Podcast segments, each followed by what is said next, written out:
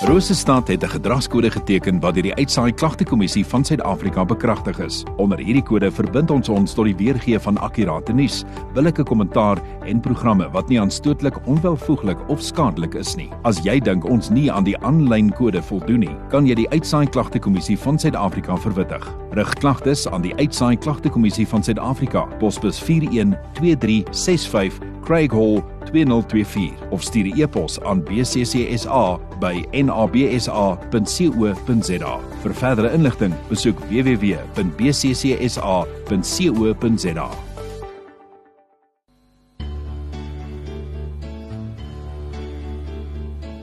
Tyd vir oggendgodsdiens op 100.6 FM. Weer in sy ateljee saam met my Dominee Dirk Meyer, Gereformeerde Kerk Bloemburg en uh ja, Dominee, welkom weer terug so op die klein Saterdag. Ja, dis 'n uh, die week loop en ons is bly om hier te wees. So as uh, ons kyk na die uh, boodskap vir die dag, wat uh, gaan jy met ons deel? Ja, ek wil graag vanoggend saam luister na die Onse Vader gebed wat Jesus vir sy disippels vir ons geleer het, veral as hy ons leer om die Here aan te spreek as ons Vader wat in die hemele is.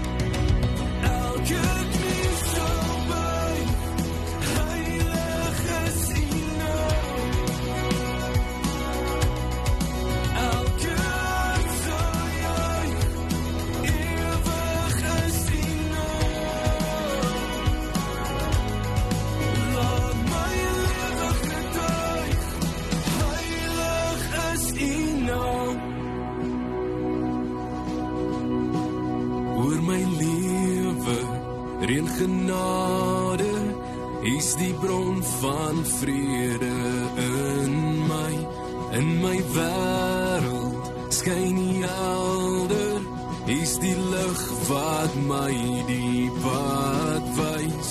Oor my lewe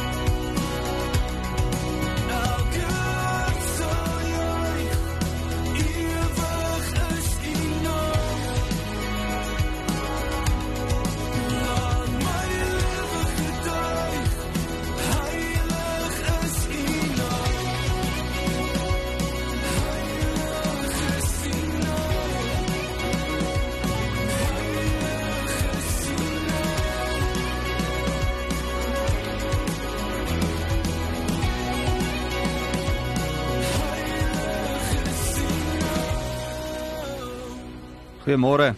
Ek lees vanoggend vir ons uit Lukas 11 vers 1 tot 4 waar ons hoor hoe ons Here Jesus Christus ons leer bid.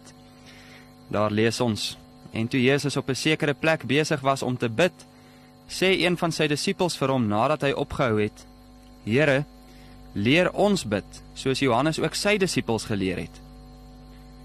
En hy sê vir hulle: Wanneer julle bid, sê: Ons Vader wat in die hemele is, laat U naam geheilig word, Laat u koninkryk kom, laat u wil geskied soos in die hemel, net so ook op die aarde.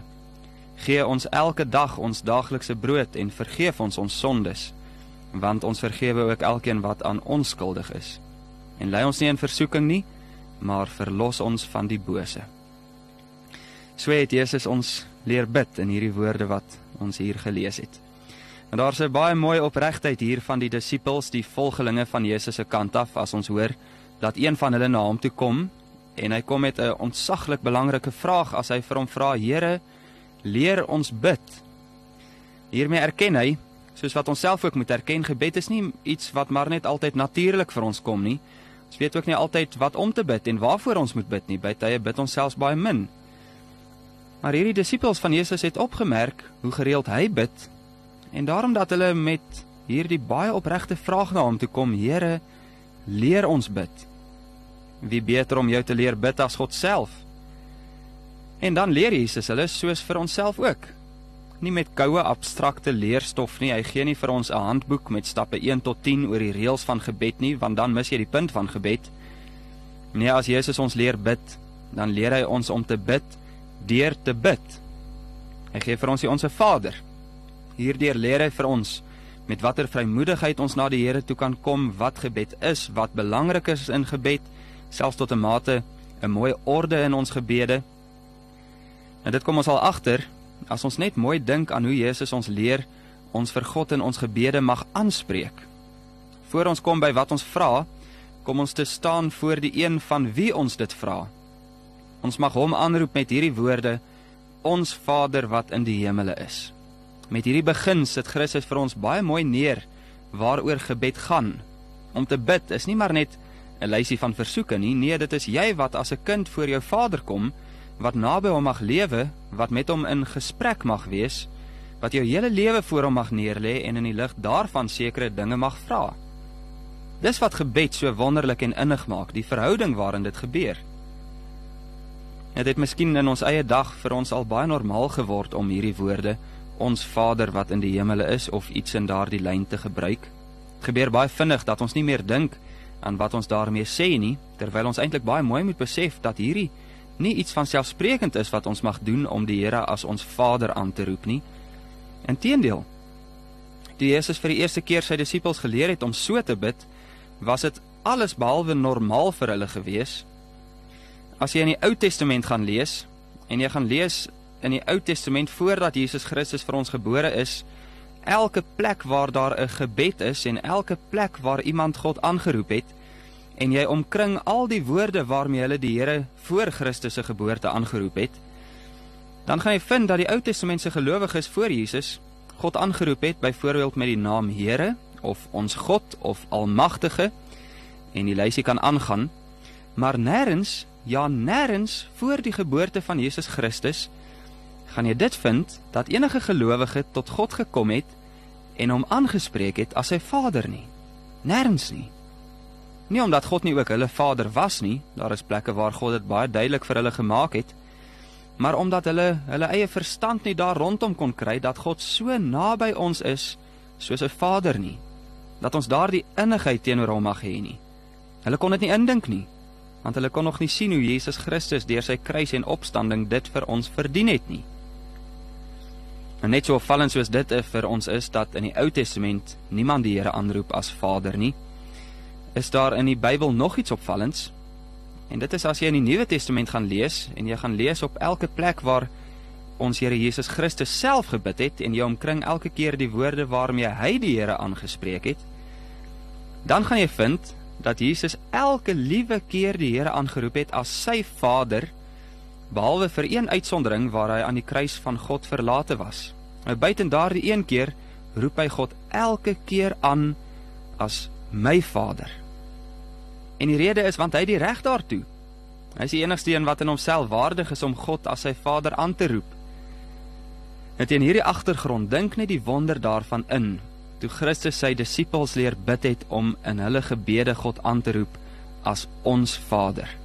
Dit was vir hulle iets totaal en al niets, selfs radikaal. Dit moes hulle gedagtes omvorm en omskep het om agter te kom kyk wat 'n wonder hy vir ons gee dat ons die Here mag aanroep soos wat Christus hom aanroep, ons Vader. Ons is van nature kinders van sonde, kinders van dood, so hoor ons dit in Efesiërs 2. Maar nou hoor ons julle is nie meer kinders van die dood nie. Deur Jesus Christus word ons kinders van God. En dan kry jy die ontsaglike voorreg, jy mag hom aanroep as Vader. Die skeiding wat die sonde tussen ons en God gemaak het, is deur Jesus weggeneem. En as hy ons Vader is, is hy 'n goeie Vader. Dit gaan oor hegtheid, innigheid, nabyheid. Dit is baie persoonlik. Gebed is altyd baie persoonlik. Dis nie maar net iets wat ons deurgaan as 'n rotine nie. Nee, gebed is jy wat voor jou Vader kom en jy wat hom as jou Vader mag ken. Dis die grond waarop ons mag bid. Deur Jesus Christus is hy ons Vader. Daar kom wel nog iets hierby. En dit is dat Jesus ons leer bid tot ons Vader wat in die hemele is. As ons ooit aan die hemele dink, dan gaan dit oor grootheid en ontzag. Wie kan die einde van die hemel bepaal? As ons opkyk in die lug en as ons kyk na die sterrehemel met die grootste teleskope, dan gaan jy nooit by die einde eers daarvan kom nie. Dan besef ons ons is klein hier op aarde. En nou moet ons baie mooi in gedagte hou dat God ons Vader is in die hemele. Dit beteken nie dat hy nie ook hier op aarde by ons is nie. Hy is oral. Maar hiermee wil ons erken hy is baie groter as ons. Ons mag nie aards van hom dink nie. Nee, hy is die een wat alle dinge in sy hande dra en versorg. Voor hom kan ons regtig met vrymoedigheid kom en openlik erken dis wat in my lewe aan die gang is, want hy ken dit. En as ons hom ken as ons hemelse Vader, dan erken ons ook ons kom met 'n diep, diep ontzag voor hom. As hy groot is en ons is klein, dan is daar ook 'n gepaste eerbied. Hy is ons Vader inderdaad, naby en heg, maar ook almagtig en heerlik. En dit dra by tot die wonder van gebed. Hy is nie net 'n Vader wat vir sy kinders wil sorg nie. Hy is ook 'n Vader wat vir sy kinders kan sorg. En as dit alles so is, dan word dit voor ons gelê bid tot hom. As Jesus dit vir ons verdien het dat jy hom mag aanroep as jou Vader, ons Vader in die hemele, wat sal jou keer? Daar het ons die mees vaste grond om op te gaan bid in hierdie woorde dat hy ons Vader in die hemele is en dat as ek in die res van die dag ingaan, ook hierdie dag, hy ook in dit alles my hemelse Vader bly. Mag hy met ons wees. Kom ons bid. Ons Vader wat in die hemele is, dankie dat U vir ons 'n Vader is, nie omdat ons dit verdien nie, maar omdat U dit vir ons gegee het. Dankie dat ons naby U mag lewe omdat U naby ons is. Dankie dat U ons dra in hierdie dag in en ons vra dat U met ons sal wees in alles wat voor ons lê, dat ons U daarin as ons Vader mag ken en verheerlik. Ons vra dit in U seun Jesus se naam. Amen.